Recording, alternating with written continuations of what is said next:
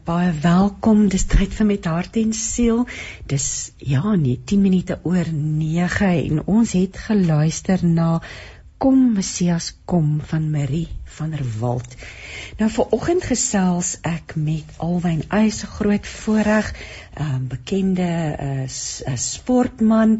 Ek gaan ons gesels oor sy boek Ongeskonde waarin hy sy lewensverhaal deel um, en natuurlik um, ja, verhaal van hoop en deursettingsvermoë. En daarna gaan Louise Viljoen, sy's 'n skrywer met die gesin op die hart vir ons um iets meer vertel oor gesinstyd met God. So dit is ons program vir oggend. Ek moet sommer dadelik waarsku dat ons op um bystand staan standby. Ons staan op gereedheid. 10:30 gaan die premier van Mpumalanga Mchweni Chipeni vir ons um Chipani gaan vir ons praat oor met ons praat oor die bekendstelling van 'n e-leerprogram. So van 10:30 af mag ons dalk oorskakel Mpumalanga toe ons kan dalk ook nie ons weet nie of hulle program uh, op skedule gaan wees nie. So so as ons as ons gaan af, afsluit wees maar bewus daarvan. Maar ons gaan nou afskop met 'n stukkie uit die woord. En ek het ver oggend hierdie pragtige psalm um um raak gelees. Psalm 56 en ek lees vir ons vanaf vers 9 wat sê u weet deur hoeveel pyn en hartseer ek al is. My trane sal 'n dam vol maak u het daarvan boek gehou u weet As ek u die dag om hulp vra, sal almal wat nie van my hou nie weghardloop. Ek weet dat God aan my kant is. Hy staan by my. Ek prys God omdat hy beloof het dat hy my sal help. Ek loof die Here. Hy hou sy woord. Ek vertrou op God en daarom is ek nie bang nie. Mense kan niks aan my doen nie. Stukkie uit Psalm 56 vers 9 tot 12. Ehm um, nou gaan ons gesels met Alwyn. Alwyn uh, is op Zoom aan die ander kant van die lyn daar in die in die mooie Kaap. Um Alwyn is gebore om 'n Springbok rugby speler te word, maar word verlam in 'n motorongeluk op 24 jarige ouderdom. Na intense rehabilitasie gaan hy huis toe en niks is soos dit was voor die ongeluk nie. En in hierdie boek vertel hy deernisvol en eerlik hoe hy met genade van bo opgestaan het en besluit het om aan te gaan met sy lewe. En wat 'n wonderlike wonderlike getuienis is hierdie boek nie, die boek wat uitgegee deur Lux Werby Die titel is ongeskonde. Môre Alwyn?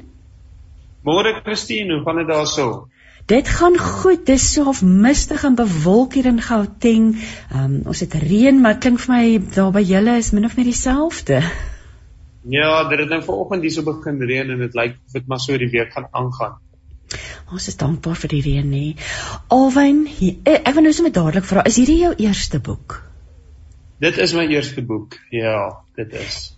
En nou wil ek net vir jou vra, hoe het jy die ervaring daarvan om 'n boek te skryf beleef? Vertel ons 'n bietjie meer hoe dit gebeur, hoe die skryf skryfproses verloop. Ja, so dit is nogal 'n ondervinding vir my om eintlik, jy weet, my eie lewensverhaal te skryf en dit was Alwyn, ek dink wat ons gaan doen is, is ek dink ons gaan jou op jou selfoon bel. Ek dink dit is dalk 'n bietjie moeilik. Dit klink van die lyn is nie baie goed nie. Ek weet nie of jy my kan hoor nie. Maar kom ons kom ons luister na 'n paar advertensies intussen en dan gaan Woesie jou op die lyn kry. Ons ek dink dit gaan dalk beter werk. Het jy enige onderdele vir jou motor nodig? Jy hoef nie veel verder te soek nie as Jimmy's Midas motoronderdele in Randfontein, wat al die bekende handelsname aanhou om jou die beste dienste lewer. Waarvoor wag jy nog? Skakel vir Jimmy's Midas motoronderdele in Randfontein by 011 412 4062 of 3. JJ Maritz en Seun is verskaffers van sand, G5 materiaal verhuuring van 10 kubieke meter vragmotors en dien ook oorgrens langafstand vervoer. Skakel JJ Maritz en Seun by 011 391 7380. Om te trek is altyd moeilik en baie werk. Of dit nou 'n huis of 'n kantoorgebou is. Jy het soveel ander dinge om aan te dink. Dis goed om te weet. Daar is mense soos Lombard vervoer Lombard vervoer doen meubel en algemene vervoer en is in Klerksdorp. Om die kopseer uit jou trek uit te haal, skakel Lombard vervoer 018 462 9677 of 8 of die tolvrynommer by 0800 160 690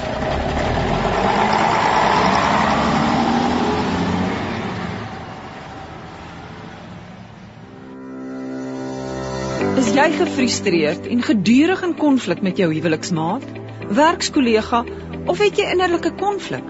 Sal dit nie lekker wees as daar vrede in jou verhoudings is nie? Jatom Transformasie Lewens- en Verhoudingsafrigting sal jou help om jouself en ander mense se persoonlikhede en karaktereienskappe beter te verstaan, om sodoende konflik in jou verhoudings te verminder. Hulle sal jou help om te transformeer na die beste weergawe van jouself. Stuur vir Casper 'n WhatsApp op 083 379 8625 of besoek sy webblad by www.jatom.com en dit is y a t h o m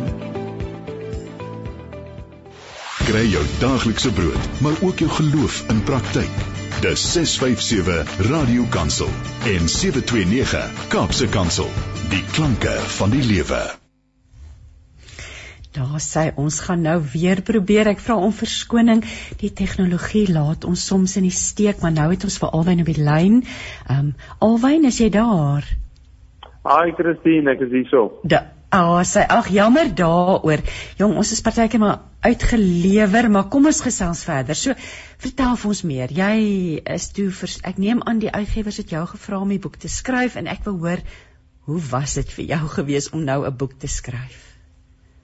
Ja, so ek ek weet nou nie waar ons presies uitgesny het nie, maar hoe dit hoe dit my gebeur het, die Here het al lank op my hart gesit om 'n boek te skryf, seker vir 7 jaar. En in die begin was dit baie intimiderend om te dink dat kan ek nou werklik 'n boek skryf. En ehm um, dit was eintlik 'n 'n fantastiese proses gewees om te skryf. Ehm um, dis baie harde werk gewees, maar die genesing wat ek daarin gevind het was ongelooflik geweest. Ehm um, ek het gedink dat ek al met baie goeders gedeel het in my lewe en uitgesorteer het uh daai innerlike genesing maar die skryfproses is dit is waar die regte genesing eintlik plaasvind dit is toe ek myself moes dwing om terug te gaan na elke liewe gebeurtenis in my lewe en dit te hersien en daaroor te skryf. Um so dit was ongelooflik geweest en ek ek glo dit is regtig die die eerste boek van vele. Wat skryf nog altyd iets wat jy gedoen het? Het jy joernaal gehou? Is dit iets waarvoor jy 'n talent gehad het op skool? Ehm um, jy het op Universiteit Stellenbosch gestudeer. Ek is nie heeltemal seker wat jy studeer het nie.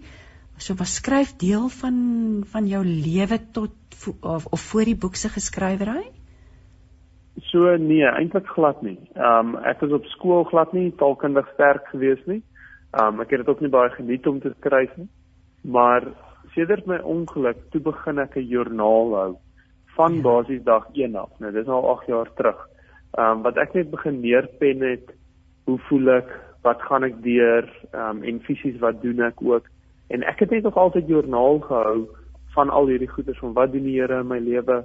En toe ek my boek skryf, toe kom baie van dit maar daar uit. Um om te gaan deurlees, om te gaan kyk wat het alles gebeur en wat het ek emosioneel deurgegaan en psigies deurgegaan.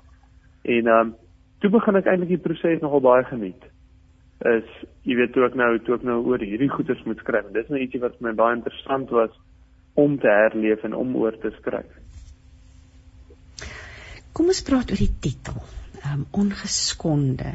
Wat het jou op hierdie titel laat besluit en wat lê vir jou persoonlik opgesluit in die titel? Ja, so die titel uh, dis dis nie 'n bekende Afrikaanse woord nie. So vir baie mense in Engels beteken dit unbroken. Dat ehm um, en en wie weet wat die titel net vir my eintlik uitbring is dat die wêreld het my gesien as gebroken. Ehm um, maar ek het eintlik soveel heelwording ervaar deur my loop ehm um, in hierdie proses. Jy weet ehm um, innerlik is ek baie meer gesond en heel as wat ek nog ooit was in my lewe. En die titel gaan maar net daaroor dat maak nie saak wat gebeur in die lewe nie dat die lewe kan ons eintlik nie breek as ons vashou aan die Here nie. En dit is wat ek ervaar het uh deur my loop met die Here. Ja, alwen jy's eintlik so jonk nog en jy sê sulke kragtige, jy deel so kragtige en wyse woorde en absolute inspirasie. Um ek ek het so baie goed wat ek vir jou wil vra in, maar kom ons begin op wel 13 Desember 2014 toe die motorongeluk het gebeur. Jou lewe is onherroepelik verander. Wil jy vir ons so 'n stukkie net vertel van van wat gebeur het in die in die, in die tyd daarna? Ja, so op daai dag, ehm um, het ek na my meisie toe gery wat ek gesien het op daai stadium en het van St. Francis af gery Kirkwood toe. Wat nie ver is nie, dis omtrent so 90 of 100 km van die huis af en jy weet die ironie is ek het daai pad hoeveel keer al gery. Ja, maar daai een spesifieke naweek nou toe ry ek net so om 'n draai, net so by 'n afdraaipad baie naby aan waar ek eintlik moet wees, omtrent so 10 km en ek vat net my oë vir 'n sekonde van die pad af waar ek, waar ek net kyk net af van die pad af kyk ek dink ek het net 'n liedjie verander op my op my foon wat gekoppel is aan die radio en in daai oomblik toe vang my voorwiel die grys van die pad aan die kant van die pad. Ehm um, en die probleem kom toe dat ek het geskrik en toe toe dat ek net die stuur net so liggies net so bietjie te veel. Ja en dis ook weer voor van die voertuig. En ehm um, ek onthou nie veel van ek onthou net tot op impak toe die kar nou die die pad laat en ek onthou die impak nog en toe is alles net swart. En ek word tot die volgende oomblik wakker met ehm um, iemand wat oor my staan en net vir my sê en my baie stil dat jy reg was hier gemaak en die ambulans is op pad en Ehm um, op daai stadium het ek nie veel daarvan gedink nie. Ek net gedink, okay, ek het nou 'n groot ongeluk gehad, maar ek gaan okay wees. Ehm um, ja. alles gaan alright wees. En dis eers toe ek toe ek probeer opstaan, toe voel ek, okay, hier's hier's nou dalk ietsie groter fout. Ehm um, ek kan glad nie opstaan nie. Kan nie beweeg nie. En nog steeds het ek net gedink, okay, maar dit is net skok. Dit is net die skok wat deur my liggaam gaan Ehm um, dit dit is nog steeds nie so erg nie. Jy weet nou gevoel het aankom van vir 'n paar maande wat wat ek nie met die realiteit kon kon deel om te besef dat hierdie het nou met my gebeur. En en wat gaan ons nou hier aan vorentoe doen nie? Ja, want dit is 'n reuse oh, dit is lewensveranderend dit met jou gebeur het en ja, so ek weet en jy jy dit word genoem in die boek ook jy het oorweeg om jou eie lewe te neem, maar ek wil jou vir jou vra, wat het jou gekeer op die ouende, op die ou einde om dit te, nie te doen nie? Ja, so dit dit is 'n dit is eintlik so eenvoudig wat ek is op die punt om my eie lewe te neem. Ek ek letterlik daar gesit met 'n geweer op my skoot en ek nou besluit tot hier en nou nie meer verder. Ek ek gaan nie so aanhou sukkel en hoekom hoekom sal ek net nou sukkel om op te staan in die oggende myself te motiveer net om te lewe net om basiese goeders te kan doen. En dit net in daai oomblik wat die Here net in my in my hart ingepraat het, net so gesê het, "Alwen ek is nog nie klaar met jou nie." En dit het my so 'n bietjie geruk want ek het gedink, "Dis my lewe is verby, hier's niks meer om oor te lewe nie." Toe voel ek net die Here sê, "Maar hy is nog nie klaar met my nie." Dit was my so al hierdie absurd ding om te dink dat hoe kan die Here nog planne hê met my want ek sien geen pad hierso uit nie. Maar ek het net die keuse geneem vandag om die Here te vertrou met my omstandighede, met my lewe en te gekies om wat hy sê is die waarheid en wat ek voel hy sê dit is die waarheid vir my lewe. Nie wat my omstandighede vir my sê nie. En dit is my omdraaipunt, maar dit is nie dis nie 'n uh, uh, skielike omdraai nou is alles net ewe skielik reg nie ek het my besluit daai dag geneem, maar ek moet dit elke dag dan ook neem. Elke liewe dag. Dus ek het vir myself sê, ek kies om te glo wat die Here vir my sê. Ek kies om te glo wat hy vir my het in die lewe.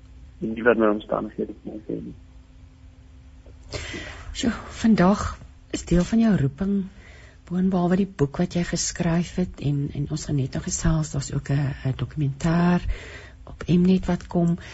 Maar jy leef jou roeping uit as 'n parapleeg driekamp atleet. Jy's 'n spreker, jy's 'n YouTuber. Um maar daar was tog 'n opdraande pad tot hier toe nê. Kom ons gesels 'n bietjie oor hoe jy gekom het tot waar jy vandag is en mense wat luister en dalk voel hulle lewe het nie meer sin nie of dinge is net te swaar. Dalk kan jy ietsie van jou eie pad met ons deel en op dié manier ook mense bemoedig wat luister vanoggend. Ja, so is dit ek terugkyk oor oor hoe dit alles begin het en waar moes begin het en so dis werklik van jou onder af um in terme van na my ongeluk het ek gevoel ek het alles verloor. En ek het ek het seker ook in 'n wêreld se sin het ek seker die gebruik van jou bene en jy kan nie meer doen wat jy voor lief was nie. Jy kon nie terug gaan en en werk toe gaan nie. Jy jou vrou is in werk uit nie. So reg vir as jy hier van die onderkant af is. Maar die beste advies wat ek ook net kan gee is om te gebruik net wat jy het want dit gaan nie oor hoe baie ons het gaan net oor wat doen ons daarmee en, en my lewe is 'n getuienis daarvan. Dat ek regtig niks gehad het nie. Ek het ook nie die finansies gehad om sporttoerusting te koop of enige van hierdie goederes. Ek het nie eens gewerk op daai stadium nie. Maar daar's mense wat wat goed op in my raak gesien het en wat besluit het dat dit hulle hulle wil mense help wat hulle self ook wil help. En dit en dit het 'n groot rol gespeel in my lewe dat ek wou daar uitkom en ek het alles gebruik wat ek het en ek het alles gegee wat ek het om net uit hierdie situasie uit te kom. En mense het dit ook raak gesien en mense het my baie gehelp langs die pad. Ehm um, dis definitief nie iets wat ek alleen gedoen het nie. So as jy jouself wil help, mense sien dit en ek sê die Here sien dit ook dat ons bring net vir hom die bietjie wat ons het en hy maak meer daarvan. Hier is the multiplication. Jy bring maar net daai 5 of 6 brode en hy maak iets daarvan. Kom ons praat oor die sport want jy was 'n krangige sportman voor die ongeluk. Ehm um, jy was al die pad die, die toekoms was blink, moontlikheid van 'n springbok. Vertel vir ons bietjie meer oor die genesende krag van sport in jou lewe. Um, Jy's vandag 'n parapleeg driekamp atleet. Vertel vir ons 'n bietjie meer daaroor. So ek het nog altyd ek nog altyd lief vir sport gewees. Ek het ehm um, baie lief vir rugby gewees, net ek ek het op skool en ek nog groot geword het. En ek het ook gedink toe ek nou verlam geword het dat dit is alles nou verby. Dat daar is geen ander sport wat ek nog kan doen nie en dit is net klaar nie. Uh tot ek eintlik dit 'n kans gegee het om om net weer bietjie aktief te word en net weer ietsie te probeer doen. Um, om net eintlik weer oefening te kry. So dis maar net eintlik hoe dit begin het, is bloot omdat ek wou net 'n bietjie oefening doen. En toe kom ek weer stadig maar seker in sport in. Um, en ek het begin deur te roei en toe doen ek atletiek en toe mettertyd vind ek nou uit van fietsry en dis maar waar dit maar begin het die drie kamp uh loopbaan is begin het maar net toe ek toe ek begin fietsry het en ook met 'n nuwe fiets nie, dit was 'n aangepaste fiets wat nie regtig vir my gewerk het nie. Dit was ook 'n bietjie maar gesukkel geweest. Maar die eerste keer toe toe ek op 'n op 'n fiets klim, dit is toe die gogga my net byt en wat, wat toe gebeur het is toe ek op 'n fiets klim, dis die eerste keer wat ek my rolstoel by die huis kan los waar hy nie saam my hoef te kom nie. Want die rolstoel is die hele tyd met jou. Dit uh, jy weet as jy badkamer toe gaan, as jy as jy gaan slaap, as jy in die kar ry, jy die heel tyd jou rolstoel nodig. En ehm um, dit is my so ongelooflik dat ek in 'n fiets kon klim en ek kon my rolstoel by die huis gelos het en en ek kon ry en ek was onafhanklik. Ehm um, ek kon doen wat ek wou, kon gaan waar ek wou en ek het baie vryheid daarin gevind. En dit was my ongelooflik. Ek wou elke dag net dit gaan doen het dat ek net weer 'n bietjie ontsnap basies uh van hierdie rolstoel en dit is wel baie genesing plaasgevind het. En dis nie om te praat van jy weet begin swem met die see en en sulke goeie santelle weer te gaan doen nie want toe toe ontdek ek net eers maar ek het so amper opgegee op op 'n hele lewe wat nog al buite is wat ek nie eens van geweet het nie. Um maar ek het amper opgegee al. So ons gaan nooit ons gaan regtig nooit opgee voor ons nie weet alles wat buite is nie vir ons al die opsies gesien het en al die moontlikhede nie. Maar sien dit. Maar ons sien dit nie in ons situasie nie. So dit is waar hy vertroue inkom. Dit is like, Here, maar ek weet dat jy sien 'n uitweg vir my. Ehm um, hoe kan ek dit nie nou sien nie? In die boek is daar 'n hoofstuk, die woestyn en die beloofde land. Jo, dis sterk Bybelse beelde, simboliek. Dit sê so baie, maar jy begin dit ook met 'n vraag wat sê: "Sê nou alles van ons verlede berei ons net voor vir dit wat kom." Wat vertel ons 'n bietjie meer daaroor? Wat wil jy in hierdie boot in hierdie hoofstuk? Wat is die boodskap wat jy aan mense wil oordra? Ja, so toe, toe ek nou dit skryf, toe toe dink ek baie terug aan soos na my verlede en dis nou opbou daarna toe wat ek nou wat ek by uitkom. Jy weet ek het goed vir ons nou oor gepraat en in die boek is is dit alles uitgeleer. En op die ouderdom van 21 'n uh, vreeslike maagaandoening gekry wat begin kanker vorm het in my dikterm en hulle moes toe my hele dikterm verwyder en dit het ook my hele loopbaan op universiteit om omgegooi. Um ek het meningitis opgedoen al waar ek 'n paar weke in die hospitaal was en amper breinskade opgedoen het. Ek het skoueroperasies gehad, twee van hulle en um jy weet my hele lewe was was so half geplaag deur hierdie siektes en en hierdie terugstand en jy weet daar in hospitaal en dit was verskriklik geweest. Maar toe my toe my uh jy weet um kar ongeluk gebeur het toe toe hanteer ek dit uh, relatief baie beter as wat 'n normale ou sou oor alles wat ek al reeds deur was. En dit het eintlik net vir my dit het my makliker gemaak in daai sin. Um nie dat dit 'n maklike pad was nie. Maar toe ek uiteindelik ek sou sê oor die ergste gekom het van wat gebeur het. Toe vra ek vir die Here, jy weet daai vraag van hoekom hoekom het hierdie goed nou met my gebeur? En toe ek so terugkyk oor alles, die besef ek dat eers maar dalk is ek die perfekte persoon met wie dit moes gebeur het oor die manier wat ek dit kan hanteer en die manier wat alles wat ek al deur was van die verlede het my eintlik net voorberei vir hierdie pad.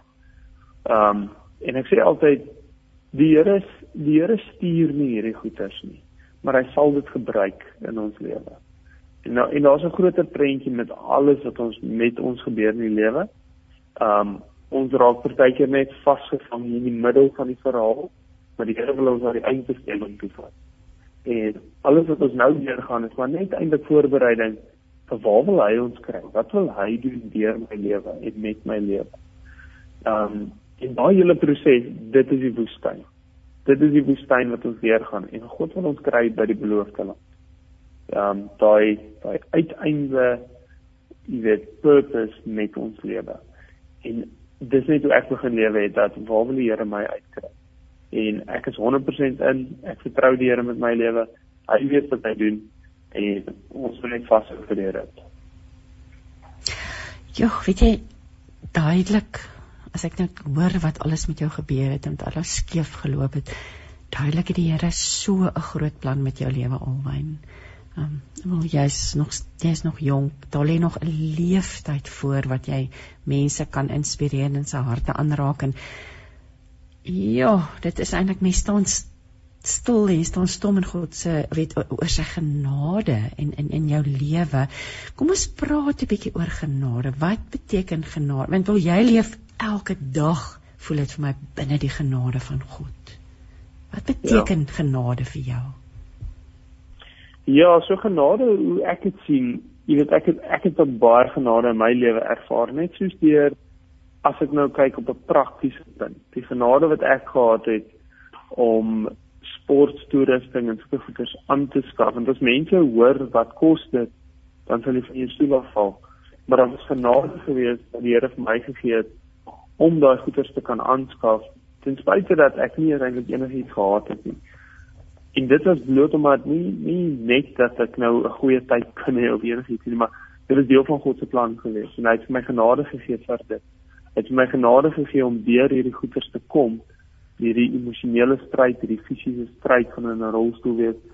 Daar was genade daarvoor in my lewe om daarmee te kan deel, om deur dit te kan kom. So God sal altyd vir ons die genade gee wat ons nodig het om deur ons situasies op te kom. Ja.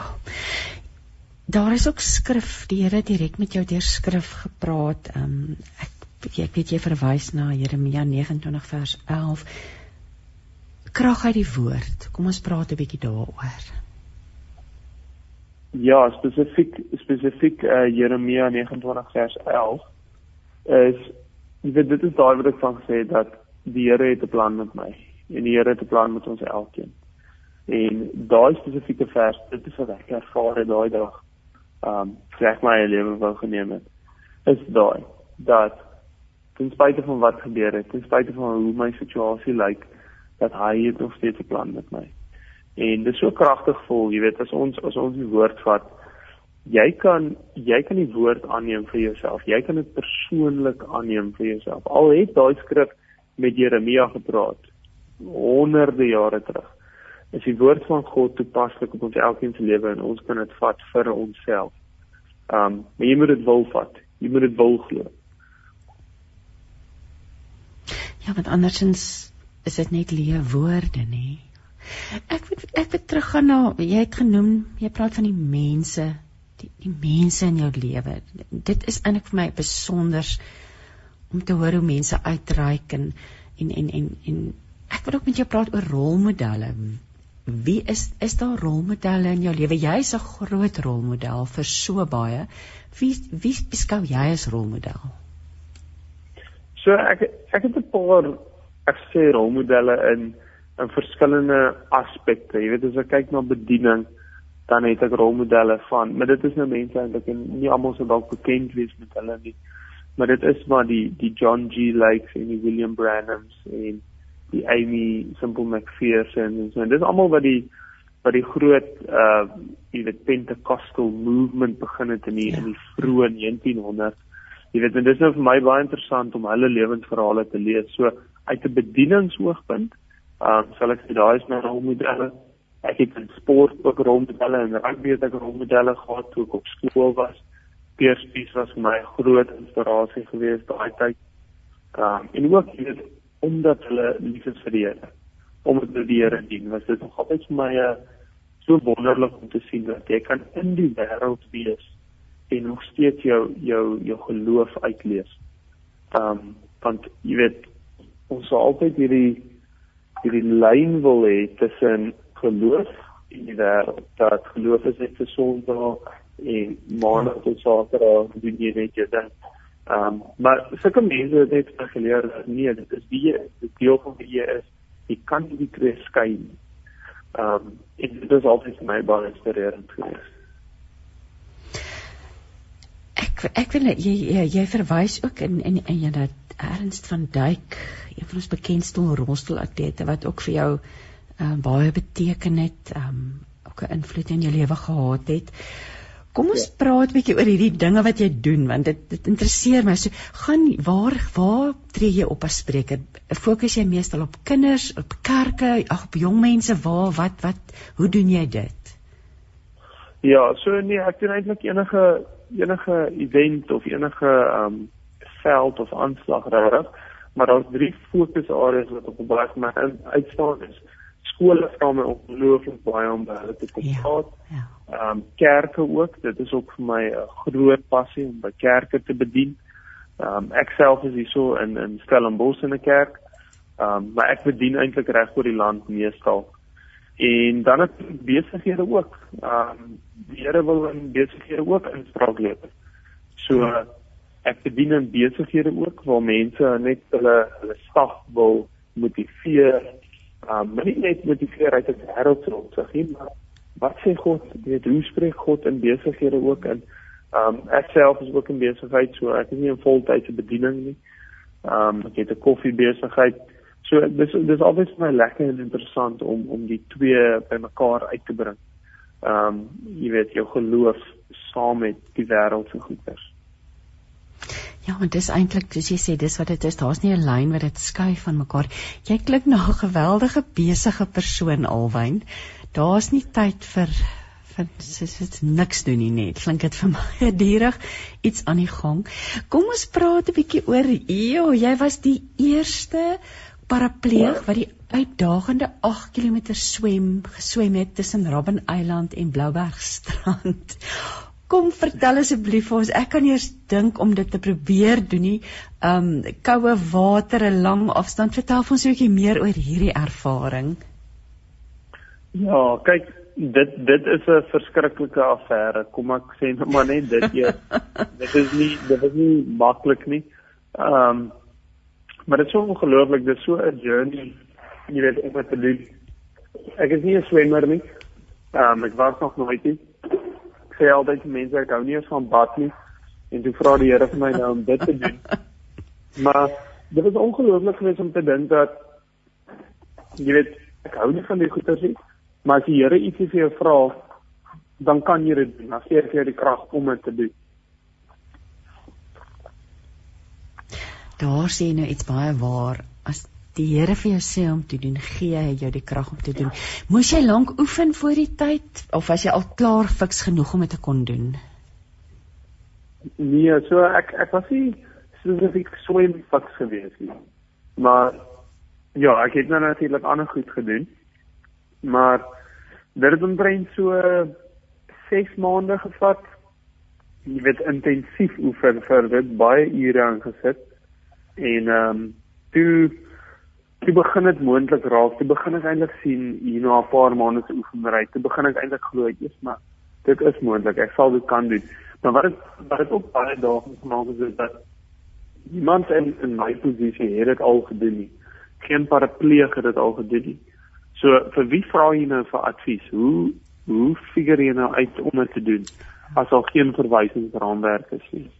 Ehm um, maar dit moet ons nie afskrik nie toe die Here vir Moses gesê het hy moet die ehm um, rooi see, jy weet, uitmekaar uit laat gaan. Niemand het dit ook voorheen gedoen nie. So ehm um, ons moenie afgeskrik word as niemand al ietsie gedoen het voorheen nie. Ehm um, ons vertrou die Here, ons ons hy weet wat hy doen en ons moet net gaan.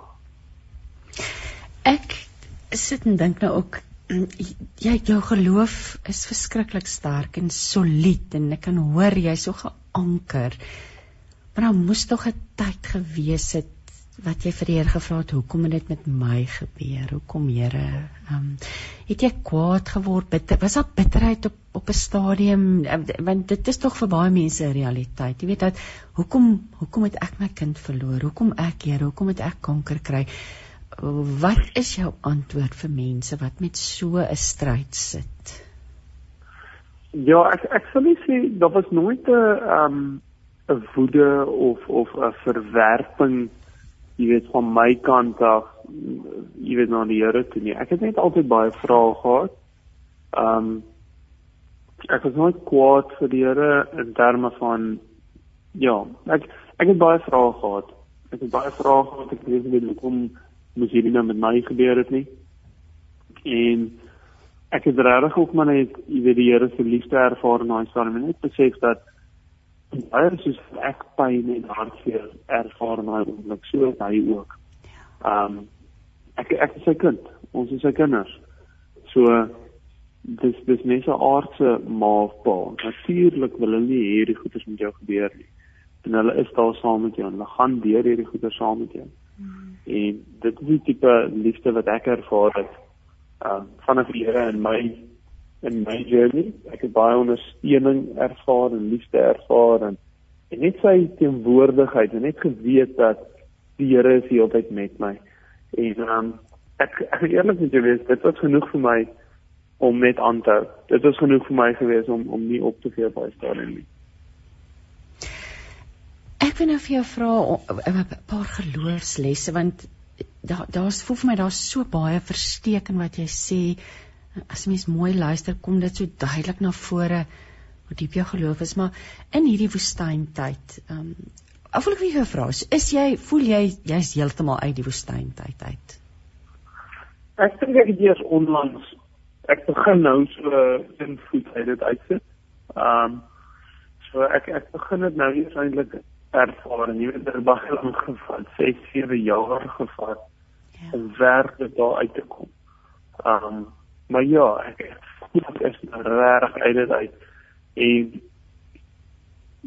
da, die woestyn, jy weet, dit kan nou beskryf word in 'n paar aspekte.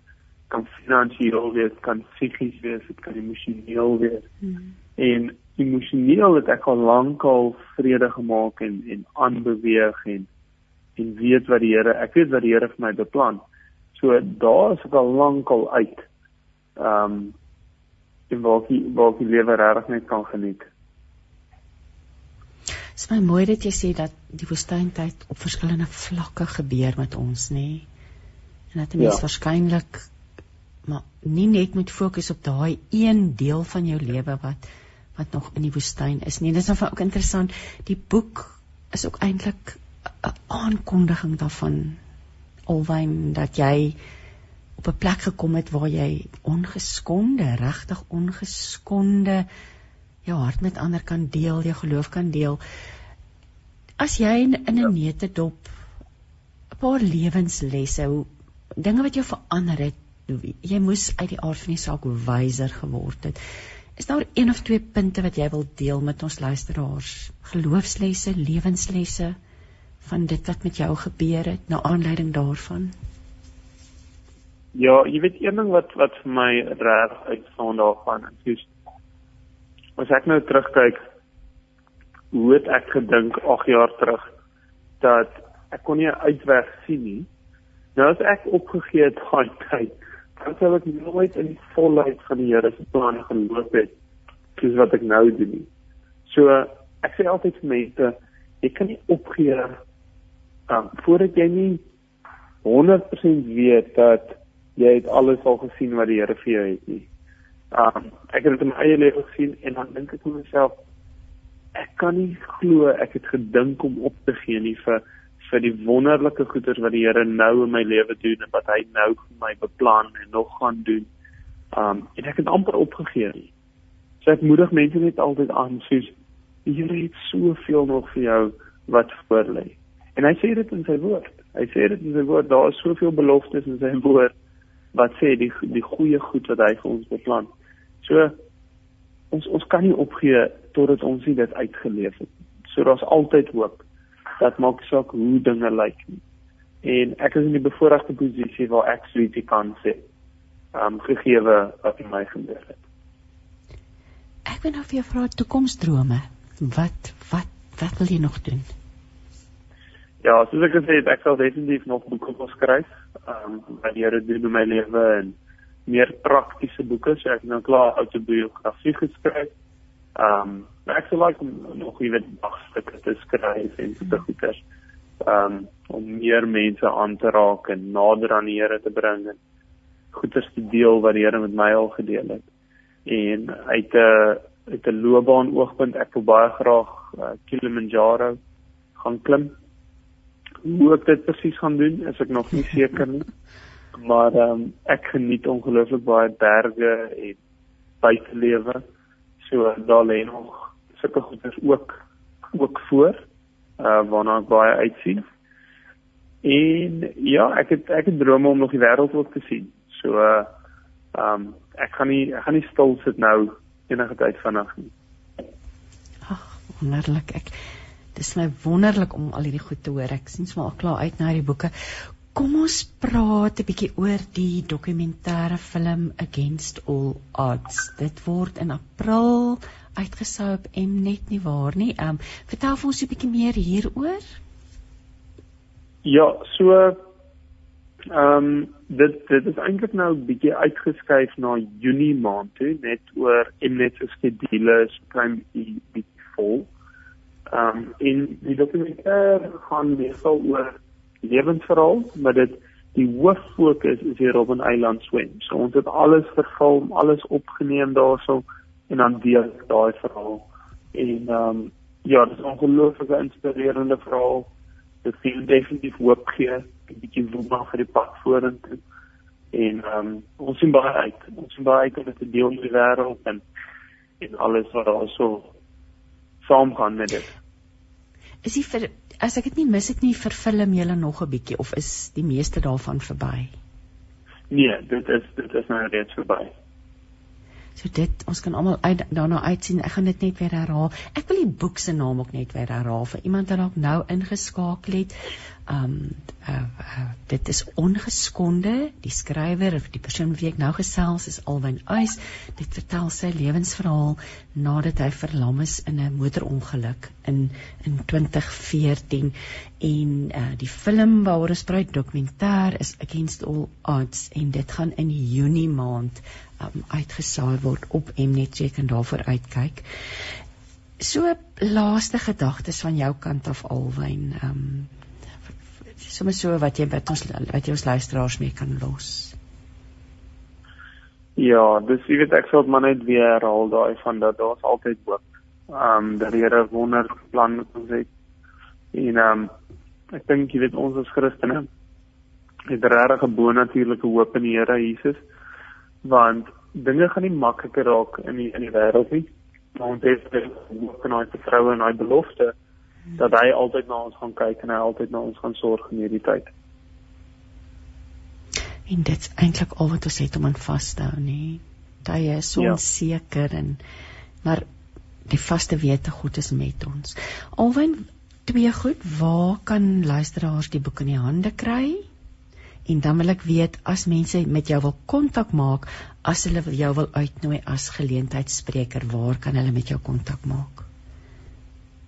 So jy kan jy kan altyd doen op my op my webtuiste, is maar net www.alwynuis.com en daarso kan jy my boek bestel en jy kan ook daarso kontak maak vir uh besprekings en enige iets en dan ook baie mense verwys maar na my um, sosiale media. Op Instagram is maar net alwynuis daar kan jy nou alles sien my bediening alles wat ek doen ehm um, vir ons baie, jy weet, uh, media uitsit. Jy kan nog dalk net gaan loer. In YouTube kan hulle ook maar net intik Alwen Ice en dan gaan jou ja, jou uh podcast potgoeie wat nou mos is daar gaan dan ja, gaan hulle dit dan vind.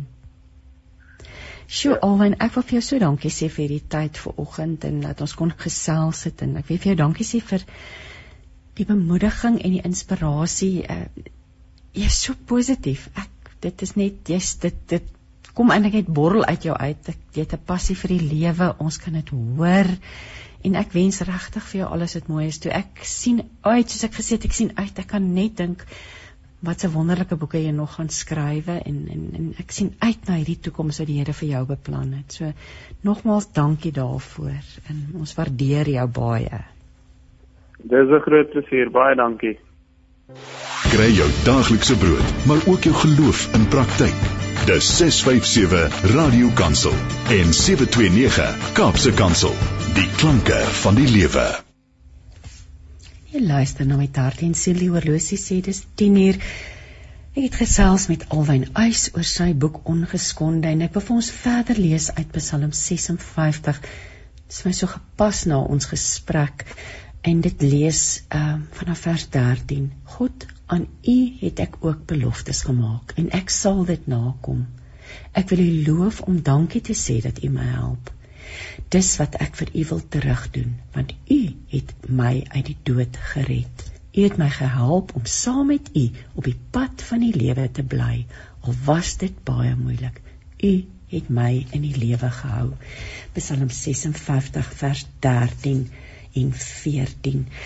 Ons gaan nou gesels uh, of ons gaan nou luister na Louise Viljoen. Louise Viljoen het uh, as 'n joernalis, is 'n skrywer, 'n resensent en sy is betrokke by redaksionele werk vir verskeie uitgewers en sy het 'n boek geskryf met die titel Gesinstyd met God. Dit word uitgegee deur Luka en ehm um, ehm um, so ja dit is dit is die die boek waaroor ons wat sy nou met ons oor gaan gesels. Dit is 'n praktiese gids met oordeenkings en aktiwiteite gefokus op die gesin en natuurlik die groot vraag is hoe dien 'n hedendaagse gesin God?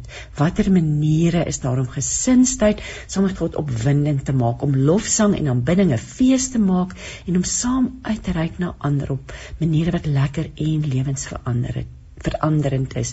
Dan vra sy ook 'n belangrike vraag: Hoe initieer 'n enkel ouer dit? Of hoe motiveer jy dit wanneer jou huweliksmaat nie daarvoor te vind is nie? Hoe doen jy dit wanneer jy tieners en kleuters in die huis het? En hoe doen jy dit sodat hulle dit weer sal wil doen uit vrye wil? En hulle sê uh, of, uh, in die persverklaring met hierdie boek wil Louise Viljoen ges, gesinne toerus om God binne gesinsverband te dien. En sy gesels ook oor die uitdagings wat gesinne ondervind. So ehm um, heerlike 52 oordenkings wat gesinne weekliks kan deur deurwerk. Maar maar kom ons luister, kom ons luister en uh, wat Louise hieroor te sê het. Goeiedag Christine en goeiedag luisteraars. Dit is so lekker om vanoggend saam met julle te kuier en dankie dat ek mag gesels oor gesinstyd met God.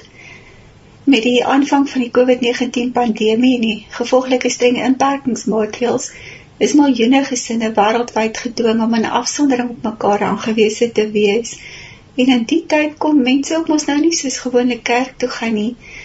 En ek het begin wonder oor hoeveel gesinne nog soos in die ou dae huisgodsdiens hou en het toe besluit om gesinstyd met God te skryf. Dit was eintlik 'n droom wat God in my hart geplaas het en ek glo dat hy 'n dringende wekroep rig tot gesinne om hulle gesinslewe in lyn met sy wil te bring om die tyd uit te koop en terug te keer na die dinge wat werklik waarde tot ons lewens toevoeg. Ek het my boekkonsep voorgelê aan Veronica Skols van Luka en die konsep is goedgekeur en ek het November 2021 het ek daaraan geskryf. Ek het soggens so om 0:30 opgestaan en begin skryf.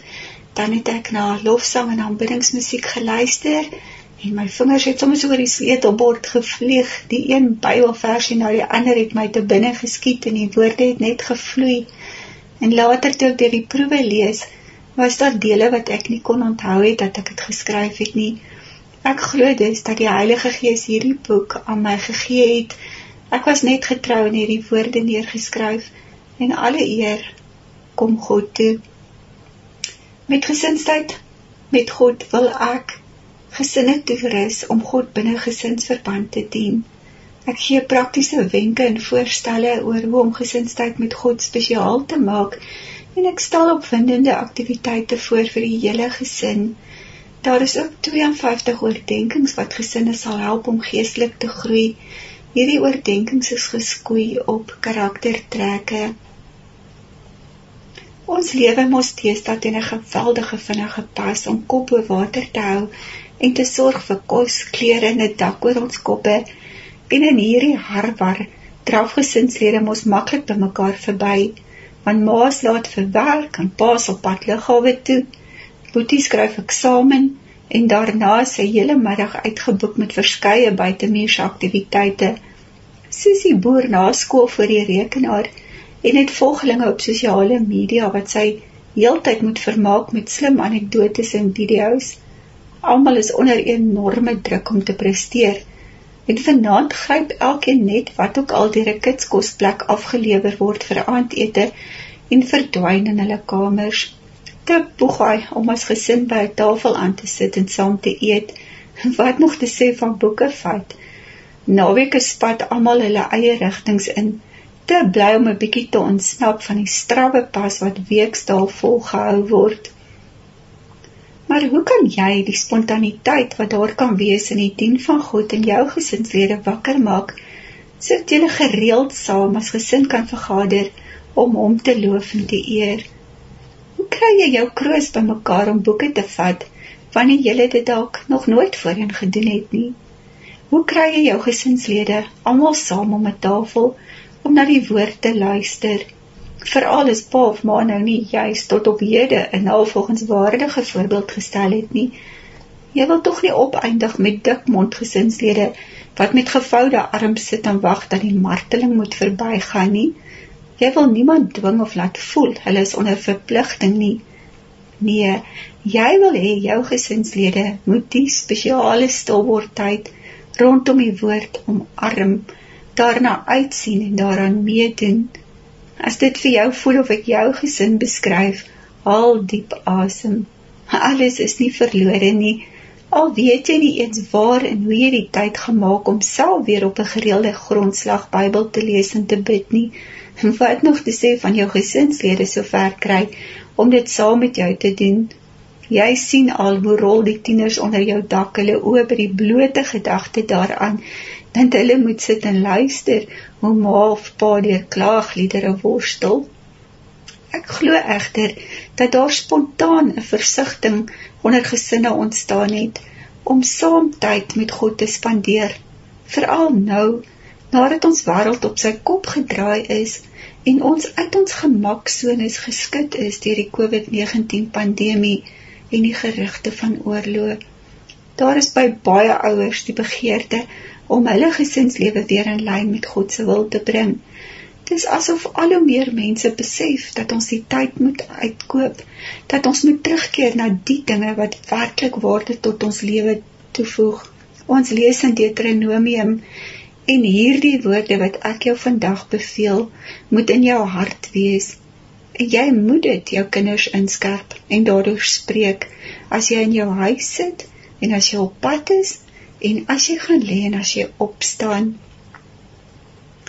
Josua het hy al die stamme van Israel bymekaar laat kom het verklaar: Ek en my huis, ons sal die Here dien. Hoe wonderlik sal dit nie wees indien elke gesin in ons onderskeie gemeenskappe in ons land, op ons kontinent of selfs in die hele wêreld die vrymoedigheid en oortuiging sal hê om dieselfde te sê nie. Dis my gebed dat God dit in gesinne se harte sal werk om hom openlik en met oorgawe te dien en te verheerlik. Watter groter gerusheid is daar vir ouers as om te weet dat hulle kinders God ken. In die vrees van die Here lê sterk sekerheid. Ook vir die kinders van 'n sodanige sal daar 'n toevlug wees, lees ons in Psalm 145. Die ideale leser van gesinstyd met God is sekerlik gelowige getroudes wat kinders in die huis het Maar nou weet ons ook gesinsstrukture is lankal nie meer tradisioneel nie. En hierdie boek is bedoel vir gelowiges wat kinders het. Gesinsheid met God kan dalk ook bemark word as 'n hulpbron vir gesinne wat saam gesinsheid met God wil geniet by huweliksberading waar ouerskap bespreek word, by gesinsberading vir kerke se huisgeloofheid aktiwiteite vir gebruik in klein groepe tydens jeugkampe of jeugaksie aktiwiteite. Dit kan ook perfek wees as huweliks of ooievaars geskenk, met ander woorde vir mense wat nog beplan om kinders te hê, ook as moeders en vadersdag geskenke of selfs 'n goeie paasgeskenk, aangesien Paasfees tog ook gesien word as 'n tyd wat gesinne graag saam tyd deurbring. God se hart vir die gesin is duidelik te sien in hierdie voorneme van hom Ek sal vir julle 'n vader wees en julle sal vir my seuns en dogters wees. Lees ons in 2 Korintiërs 6 vers 18. God het behaag in hulle wat na hom soek. Die koning van die heelal, die skepper van die hemel en die aarde, verlang om saam met ons te wees. Hy wil homself aan ons openbaar en aan ons geheimenisse bekend maak. Daar is seën en guns op gesinne wat hulle afsonder om God te dien en aan hom gehoorsaam is. As ons die Bybel deel maak van ons daaglikse lewe, sal ons kinders die woord ook as noodsaaklik beskou.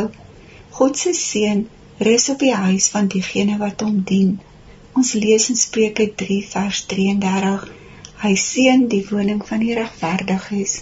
'n Mens wonder, waarom is dit dat so min gesinne deesdae nog erns maak met God? saam rondom sy woord vergader en tyd met hom spandeer. Kruip ons weg vir God sodat hy nie moet sien dat ons kaal is nie, net Adam en Eva in die paradys gedoen het, of het ons so besig geraak om vir ons 'n gerieflike lewe uit te kap dat ons bloot nie die tyd het om ons kinders van God te leer nie. Die wêreld is inderdaad boos, broos en gebroke en dit bied vele begeerlikhede wat ons verlok en verlei en ons aandag aflei van die dinge wat werklik saak maak. Maar die Bybel waarsku ons: moenie die wêreld lief hê of die dinge wat in die wêreld is nie. As iemand die wêreld liefhet, dan is die liefde van die Vader nie in hom nie. Want alles wat in die wêreld is, die begeerlikheid van die vlees en die begeerlikheid van die oë en die grootsheid van die lewe, is nie uit die Vader nie, maar is uit die wêreld. Kan jy jou die heling en restaurasie voorstel wat sal plaasvind wanneer gesinne begin om God se aangesig te soek en na sy wil te vra? Die vrug van die Gees is immers liefde, blydskap, vrede, lankmoedigheid, vriendelikheid, goedheid, getrouheid, sagmoedigheid en selfbeheersing. Verbeel jou dat gesinslede hierdie karaktertrekke teenoor mekaar begin openbaar. En as ons onderling teenoor mekaar in liefde optree, sal dit mos spontaan verder uitkring. Ons sal dan ook in ons daaglikse wandel goed doen aan ander. So kan ons waarlik die sout van die aarde wees die lig van die wêreld. Kom ons as gesinne beantwoord God se wekroep tot bekering met 'n luide ja. Laat ons soos Josua verklaar dat ons die Here sal dien. Jesus rig die volgende uitnodiging ook aan gesinne. Hy sê: "Kom na my toe, almal wat vermoeid en belas is, en ek sal julle rus gee.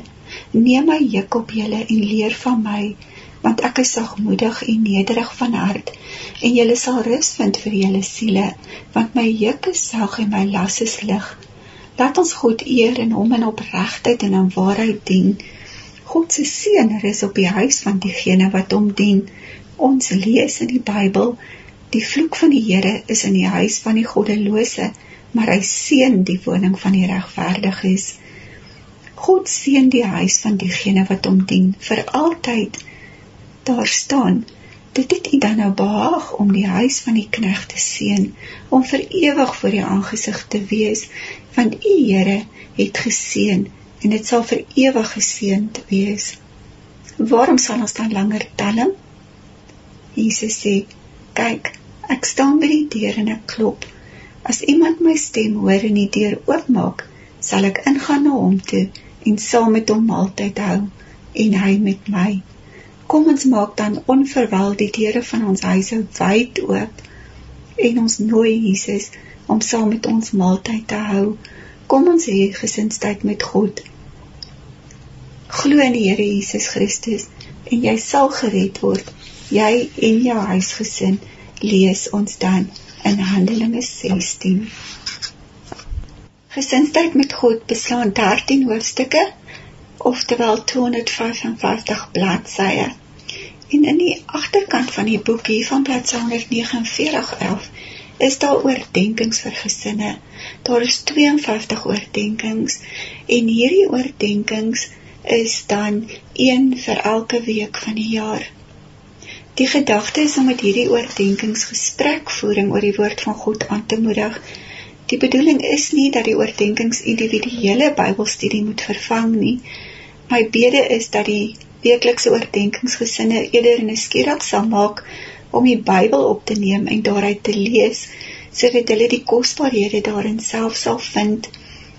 Elke oordeenking handel oor 'n spesifieke karaktertrek waarin gesinslede kan groei sodat hulle God in hulle daaglikse handel en wandel sal dien. Hierdie karaktertrekke is byvoorbeeld soos kom ek noem 'n paar Kom ons wees gasvry. Kom ons wees vergewensgesind. Kom ons wees getrou, dankbaar, spaarsamig, liefdevol, stiptelik, beskikbaar, opreg, sagmoedig, genadig, vrygewig, vreugdevol, hardwerkend, geduldig, eerlik, verantwoordelik, gehoorsaam, verdraagsaam, Ag, en so kan ek aangaan. 52 sulke karaktertrekke. Die doel is dat gesinne sal met mekaar gesels oor hierdie karaktertrekke en hoe hulle dit in hulle lewens kan toepas, want dan sal ons mos goeie vrugte dra wat God eer en dan daarmee saam seën ontvang. En iets waar ek geweldig opgewonde is, is waar die oordeenking van die week aan die linkerkant kom op die linkerkantste bladsy is daar op die regterkantste bladsy by elke oordeenking met ander woorde 52 sulke praktiese blaaie waar die gesin tyd het om die karaktertrek wat daardie week behandel word en hulle oorgesels het en hulle dit toegepas het daaroor kan 'n bestekopname neem en daar kan gesels en dit dan in hierdie boek neer kan skryf. Soos byvoorbeeld, kom ons wees vriendelik is week 42 se oordeenking. En dan sê ons ons bid vir. Nou as hierdie week dan nou besluit ons wil spesifiek vriendelik wees teenoor 'n spesifieke persoon of ons wil graag bid vir onsself om die die genade te kry of die krag te kry om vriendelik te wees dan skryf ons daarin ons bid vir en dan staan nou plek.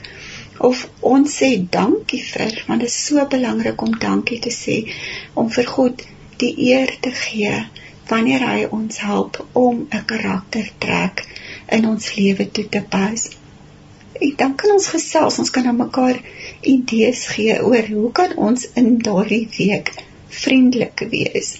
So daar's 'n hele paar lyntjies oop waar verskillende gesinslede dan kan sê, "O, alright, ek dink om vriendelik te wees hierdie week kan ek so en so maak." En daardie een kan weer sê, "Nee, ek dink ek wil graag so optree." So ons skryf ons idees neer om dit dan te gaan uitleef. En dan is daar 'n plek waar daar 'n foto kan kom of 'n tekening bygemaak kan word oor die gesin se se week wat oor vriendelikheid gehandel het. En dan die belangrikste van alles, heel onder is daar dan 'n hele paar lyntjies oop vir getuienisse.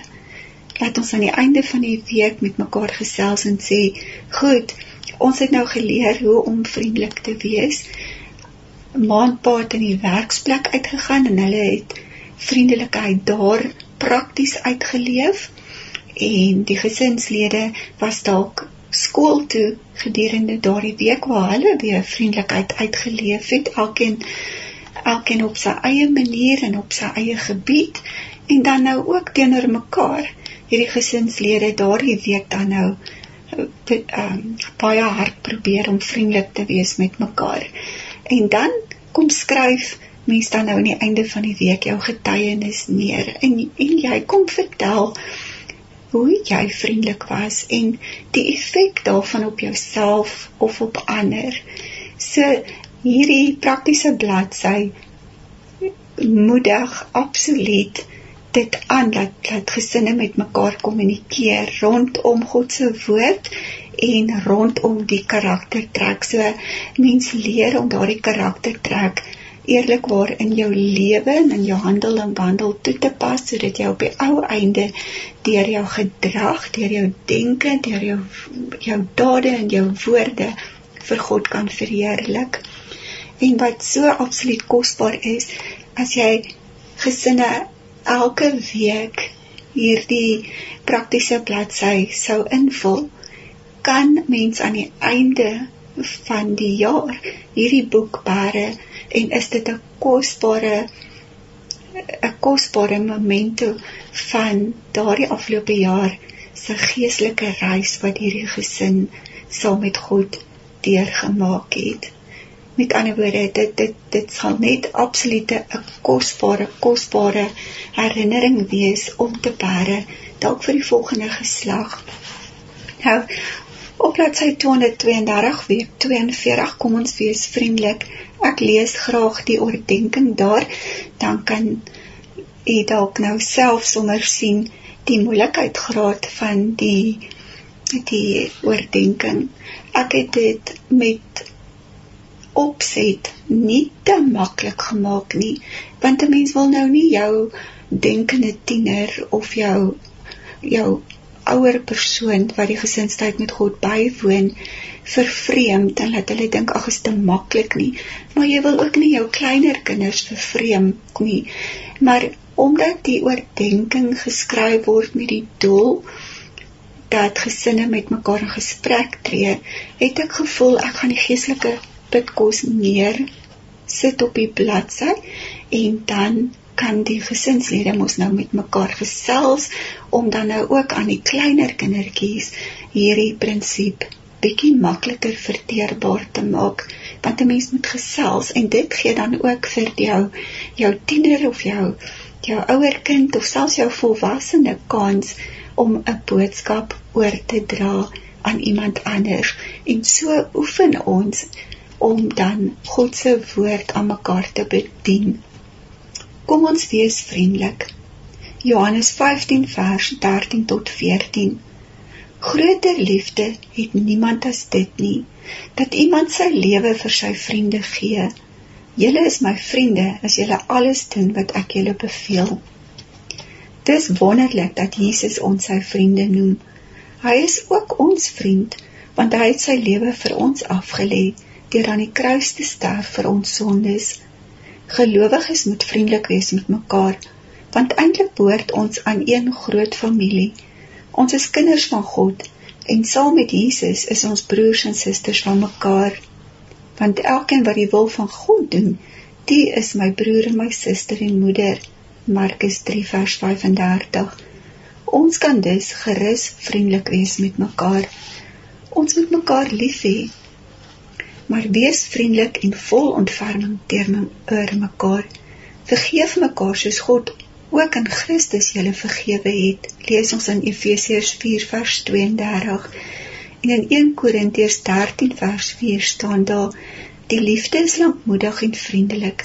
Die liefde is nie jaloers nie.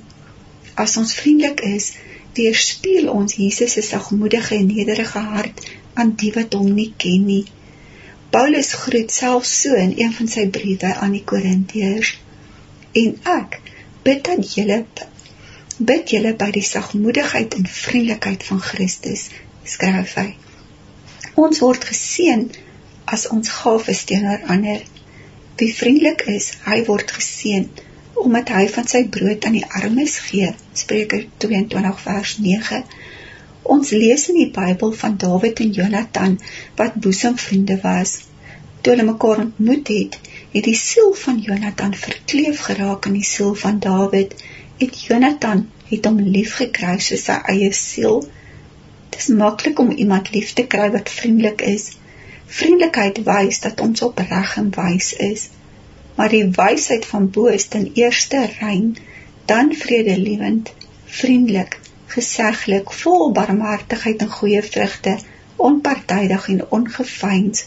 Jakobus 3 vers 17. En dan is daar die gebed: Here, help ons asseblief om vriendelik te wees. So daardie week onderneem ons as gesin om vriendelik te wees en ons kyk uit die woord oor voorbeelde van vriendelik wees en dan skryf ons in ons praktiese bladsy ons bid vir Ons sê dankie vir so kan ons vriendelik wees. 'n Foto en 'n tekening en dan ons getuienis aan die einde van hierdie bladsy. Ek het geweldig baie skrif gekwoteer in gesinstyd met God. Want ek het gevoel so baie kere ehm um, mense het nie altyd hulle Bybel byderhand nie En baie keer as mens net sê waar iemand iets kan gaan oplees, dan raak mense 'n bietjie lui en kort voor lank gaan lees ons dit nie. So ek het elk feitelik elke skrifgie waarheen ek waarna toe ek verwys het, het ek dan nou volledig uitgetik in die boek. En dit was vir my baie belangrik want so leer ons skrif ken en wanneer ons dit lees. So hier's o, oh, hier's honderde skrifverse in die boek ter ondersteuning van die boodskap en so maak ons dan nou ook gesinslede attent op wat die woord van God sê en mens eh, gesinne leer leer die woord van God ken en kan dit met mekaar deel En daarom is gesinstheid van God vir my so belangrik want op die ou einde verheerlik ons God met ons dade, ons handel en wandel. Soos reeds genoem beslaan gesinstheid met God uit 13 hoofstukke en dan die 52 oordeenkings. Maar hoofstuk 1 en 2 Se titels is onderskeidelik Ons leef in 'n gebroke wêreld en God se wekroep tot bekering. As ons kyk na die dinge wat rondom ons gebeur en die die algehele verval van die wêreld en dan besef ons ook daar is 'n kollektiewe bewustheid dink ek wat spontaan ontstaan het soos God 'n wekroep tot bekering plaas in gesinne se harte want ek glo eerlikwaar dat dit God se hart is om gesinne na hom toe te draai om gesinne in hierdie tyd op te roep en te te bekragtig om as ligdraers vir hom in die wêreld te wees. Ek skryf dus nie gesinstyd met God uit die staanspoor vir gesinne wat reeds gesinstyd met God hou nie, alhoewel dit natuurlik vir hierdie gesinne ook tot baie seën sal wees. Maar ek skryf dit ook met die oog op gesinne wat geroepe voel om gesinstyd met God te begin hou. So ek begin heel aan heel voor by die basiese dinge, die wêreld waarin ons leef die besluite wat ons moet neem en om gesinstyd met God te hou. En dan kyk ons na die wekroep tot bekering. God se hart vir die gesin volg dan en God in die gesin se rolle nog 'n hoofstuk en dan gesin se verhouding met God is hoofstuk 5 en hoofstuk 6 is wat God van gesinne verwag en hoofstuk 7 Gesinne dien God as 'n span. Nou, as ons kyk na God se hart vir die gesin, is dit so belangrik om te weet wat ons identiteit in God is. Wie is ons in God? Hoe sien God ons en waarom is dit vir hom belangrik dat ons gemeenskap met hom hou? Ek behandel dit alles in die boek. En dan God se hart vir ons is dan dat ons met hom gemeenskap hou, dat ons hom sal verheerlik en dien, dat ons vir hom kinders sal wees. Ek skryf onder meer op bladsy 22. God wil hê ons moet saam met hom wandel. Hy begeer dat ons met hom sal wandel. Ek is die Here, julle God. Wandel in my insettinge en onderhou my verordeninge en doen dit. Hy wil hê dat ons hom ken en hom gehoorsaam wees sodat hy ons kan seën en gebruik in sy koninkryk en in die tye waarna ons leef. Dit is dan ook vir ons baie voordelig om saam met hom te wandel. Luister na my stem, dan sal ek vir julle God wees en julle sal vir my 'n volk wees en wandel net in die weg wat ek julle beveel dat dit met julle goed kan gaan. As julle dan goed luister na my gebooie wat ek julle vandag beveel om die Here julle God lief te hê en om te dien met julle hele hart en met julle hele siel, dan sal ek die reën van julle land gee op die regte tyd, vroeë reëns en laat reëns, sodat jy jou koring en jou mos en jou olie kan insamel en ek sal plante gee op jou veld vir jou vee en jy sal eet en versadig word. Ons lees byvoorbeeld dat God vir Eli die volgende sê rakende die jong Samuel wat guns in sy oë gevind het. En ek sal vir my 'n getroue priester verwek wat sal handel soos dit in my hart en in my siel is. En ek sal vir hom 'n bestendige huis bou sodat hy al die dae voor die aangesig van my gesalfde kan wandel. Hoe wonderlik om te weet dat hy ook vir ons 'n bestendige huis sal bou wanneer ons handel na sy wil. Ons moet net getrou wees en doen wat in sy hart is. Want as die Here die huis nie bou nie, te vergeefs werk die wat daarin bou. Om saam met iemand te wandel beteken tog om in vrede en gemeenskapheid mee te loop. Veral wanneer ons ons op onbekende of selfs gevaarlike terrein bevind, is dit mos voordelig om in 'n vertroueling wat die pad goed ken se spore te trap. Ons kan dan ontspan en die stap tog geniet in die wete dat die voorloper ons beste belange op die hart dra en ons veilig sal lei. So is dit dan ook om saam met God te wandel, om gesinstyd met hom te hê. Ons kan maar net in volle vertroue in sy spore volg. Hy sal ons veilig lei op die roete wat hy vir ons lewenspad en vir ons as gesin bestem het. Ons eindbestemming is by en in hom en elke tree wat ons dit saam met hom gee, bring ons nader aan ons ewige woning waar ons die ewigheid saam met hom sal deurbring. Ons mag ons bruidegom die hof maak.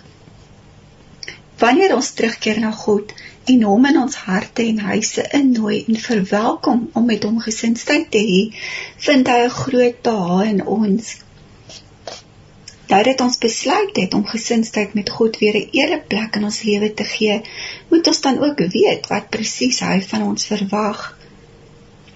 Ons moet hom eerbiedig en respek vir hom hê, in sy weë wandel Ons moet hom lief hê, dien en gehoorsaam wees. Maar hoe bring ons hierdie vereistes prakties in ons gesinsheid met God in sodat ons dit kan nakom? God het die heelal en alles daarin geskep met weergalose en onbeperkte kreatiwiteit. Hy het ook in elkeen van ons 'n vonk kreatiwiteit geplaas. Ons kan daardie kreatiwiteit aanwend om tot hom te nader. Kom ons wees bly oor die vooruitsig om God kreatief te dien saam as 'n gesin. Ek is baie bly in die Here. My siel juig in my God, want hy het my bekleed met die klere van heil, my in die mantel van geregtigheid gewikkel, soos 'n bruidegom wat priesterlik die hoof versiersel ombind en soos 'n bruid wat haar versier met haar juwele, lees ons in die woord. As bruid mag ons ons bruidegom die hof maak. En dit is presies wat ons in ons gesinsheid met God gaan doen.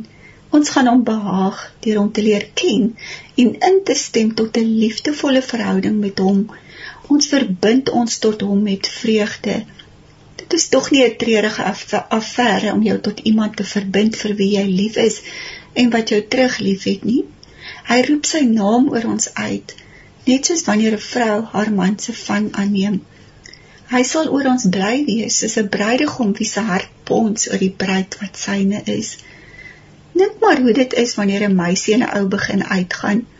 Hulle dink voortdurend aan mekaar, stuur van mekaar boodskappe en bel mekaar. Hulle probeer soveel tyd moontlik saam deurbring en vind alles van mekaar uit. Verder bederf hulle mekaar en verras mekaar. Hulle sê vir mekaar dat hulle lief is vir mekaar.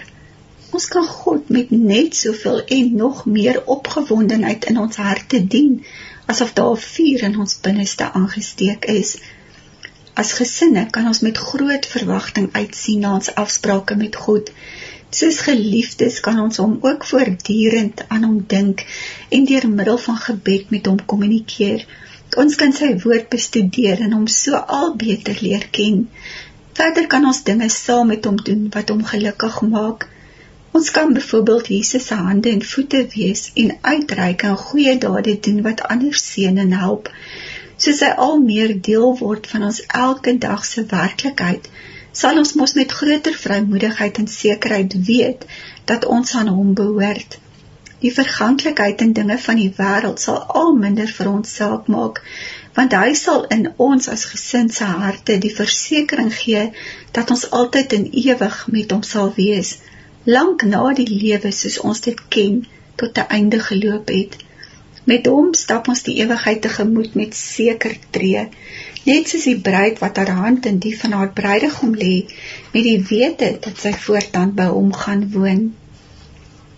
Wanneer geliefdes begin uitgaan pas hulle tog nie al hulle afsprake op een aand in nie.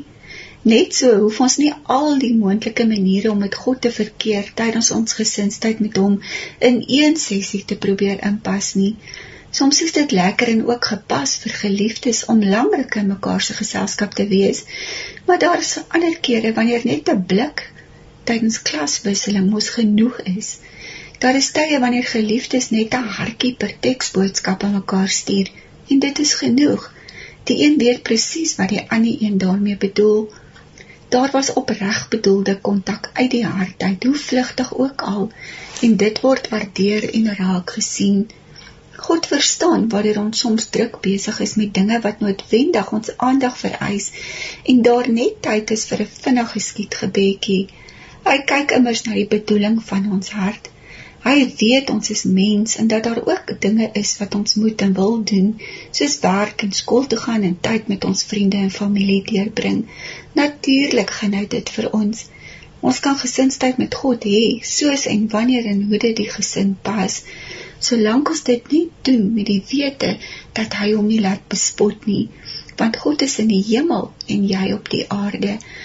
Ons moet eerbiedig teenoor hom optree. Ons kan tog nie 'n verhouding met iemand hê en dan nie gereeld en heel hartig saam met daardie persoon verkeer nie. Mens leer ook nie iemand ken deur net 'n paar sekondes in die dag saam te wees nie. Ons moet dus tyd maak vir God. Hy moet die ereplek in ons lewens inneem. Ons moet hom bo alles stel. Ons lewens aan hom toewy en gesinstyd met hom deel van ons daaglikse bestaan maak. Dit behoort die hoofprioriteit in ons lewens te wees, iets waarvoor ons blymoedig tyd maak.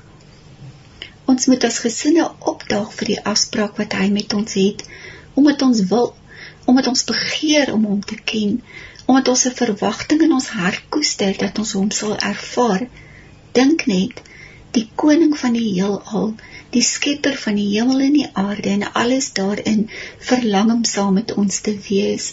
Hy wil homself aan ons openbaar en aan ons geheimenisse bekend maak. Wat 'n absolute heerlike vooruitsig, wat 'n absolute werklikheid as ons dit net sal aangryp. Kom ons vergader saam met ons gesinne rondom die woord. Kom ons hê gemeenskap met God. Kom ons hê 'n liefdesverhouding met God en kom ons laat hom toe om ons as 'n huisgesin te seën. In hoofstuk 9 kyk ek na die voorbereiding vir gesinstyd met God.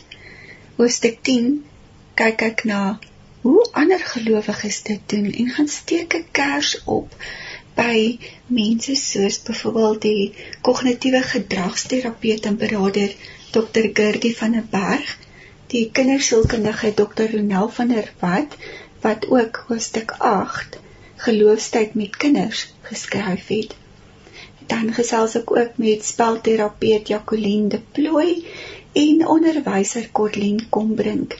Karina Stander en 'n paar anonieme ouers deel ook hulle ervaring van gesinstyd met God. In hoofstuk 9, voorbereiding vir gesinstyd met God. Kyk ons daarna dat God ons en ons gesinne wil red, maar dat ons sy reddende genade moet aangryp met alles in ons en nie sy hand laat los nie. Hy hou sy hand uit om ons na veiligheid op te lig, maar ons moet self die keuse maak of ons sy hand gaan neem of nie. Indien jy en jou gesin dalk nie reeds gesinstyd met God het nie, bid ek dat God in julle harte begeerte sal opwek om op 'n gereelde grondslag tyd saam met hom te spandeer. Dis eers wanneer ons as gesinne tyd maak vir God dat ons hom intiem leer ken, asof hy 'n onsigbare maar definitief teenwoordige gas in ons huis is. Dan word God werklik vir ons en begin ons hom spontaan dien en ken in al ons besluite. Hoe nader ons aan God leef, hoe meer word hy onlosmaaklik deel van ons en ons kinders se lewens en wat dalk aanvanklik as 'n verpligting en 'n opoffering voel, word nader aan dit waarna ons heel hartig smag en met groot verwagting na uitsien. Die ideaal is dat gesinstyd met God spontaan en op 'n natuurlike wyse deel van ons daaglikse doen en late word dat dit nie 'n opoffering of 'n vermoeienis sal wees wat ons net uit plig doen en so gou moontlik agter die rug wil kry nie Dit moet iets wees waarna ons heel hartig uitsien en aan meedoen sodat dit die hoogtepunt van ons dag sal word. Sy teenwoordigheid sal ons verkoop en as ons sy teenwoordigheid eers eenmal ingedrink het, sal ons mos nooit weer daarsonder wil wees nie.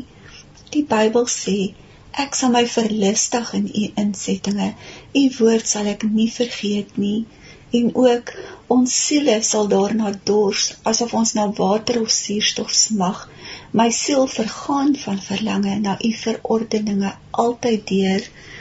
Ons moet nie allerlei maatstawwe wil gebruik oor hoe gesinstyd met God kwansuis behoort te verloop nie.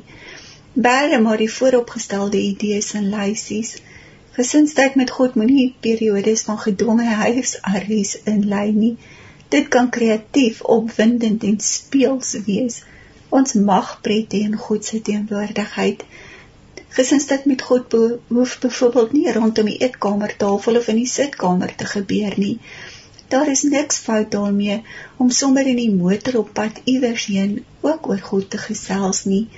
Net so kan dit 'n besonderse ervaring wees om tyd saam met God in die natuur deur te bring. Gesinstyd met God hoef nie te begin en te eindig met 'n knal nie.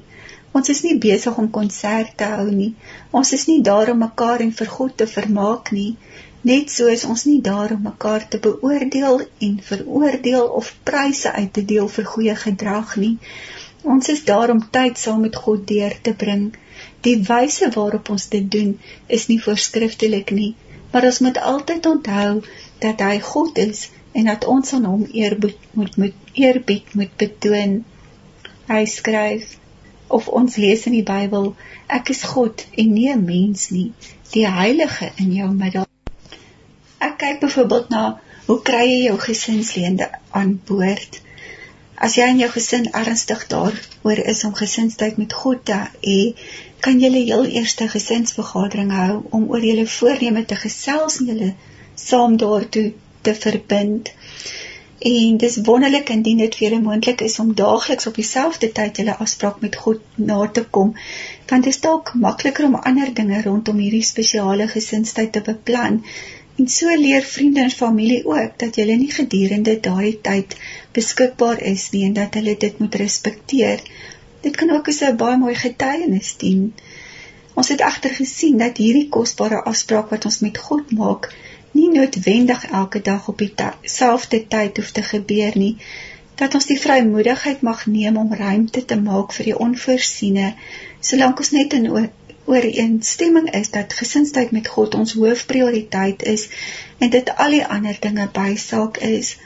Ek kyk byvoorbeeld na die watter onderwerpe kan daar wees vir die aanvanklike gesinsvergadering waar gesinne dan nou besluit of onderneem om God te dien gee 'n paar basiese reëls vir gesinstyd met God en dan kyk ons na 'n paar praktiese oorwegings om in gedagte te hou. Byvoorbeeld waar kom ons by mekaar? Hoe lank moet dit duur moet ons net uit die Bybel uitlees ensovoorts En dan kan ons kyk na hoe ondersteun ons mekaar om groepsdruk te hanteer wanneer ons nou wel besluit het om gesinstyd met God te hou.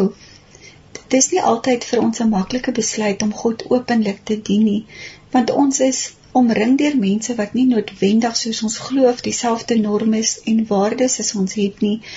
En al woon ons in 'n land waar ons godsdiens vrylik kan beoefen, ervaar baie ervaar baie van ons tog dat ons gestigmatiseer of uitgeskei word weens ons geloof. En dit is in baie kringe net nie mode om 'n kind van God te wees nie. Daar is mense wat agter ons rug praat en ons ook openlik uitlag omdat ons hom eerste stel. En soms soms word ons nie na geleenthede soos byvoorbeeld 'n braaivleis genooi nie, want wie wil nou saam met pretbederwers wat nie saam drink of vuil grappies vertel nie om die vuur kuier Hoe hanteer ons hierdie hoëne minagting? Dit maak tog seer want ons wil graag voel dat ons behoort. So ons kyk daarna en dan kyk ons ook na om weer van die om die wapenrusting van God aan te trek waaronder ons geloof, gebed en smeking, lofprysing en aanbidding en danksegging In hoofstukke 11 en 12 kyk ons na hoe ons God kan verheerlik met ons woorde en hoe ons God kan verheerlik met ons dade. En al hierdie bring ons dan nou prakties uit in ons gesinstyd met God.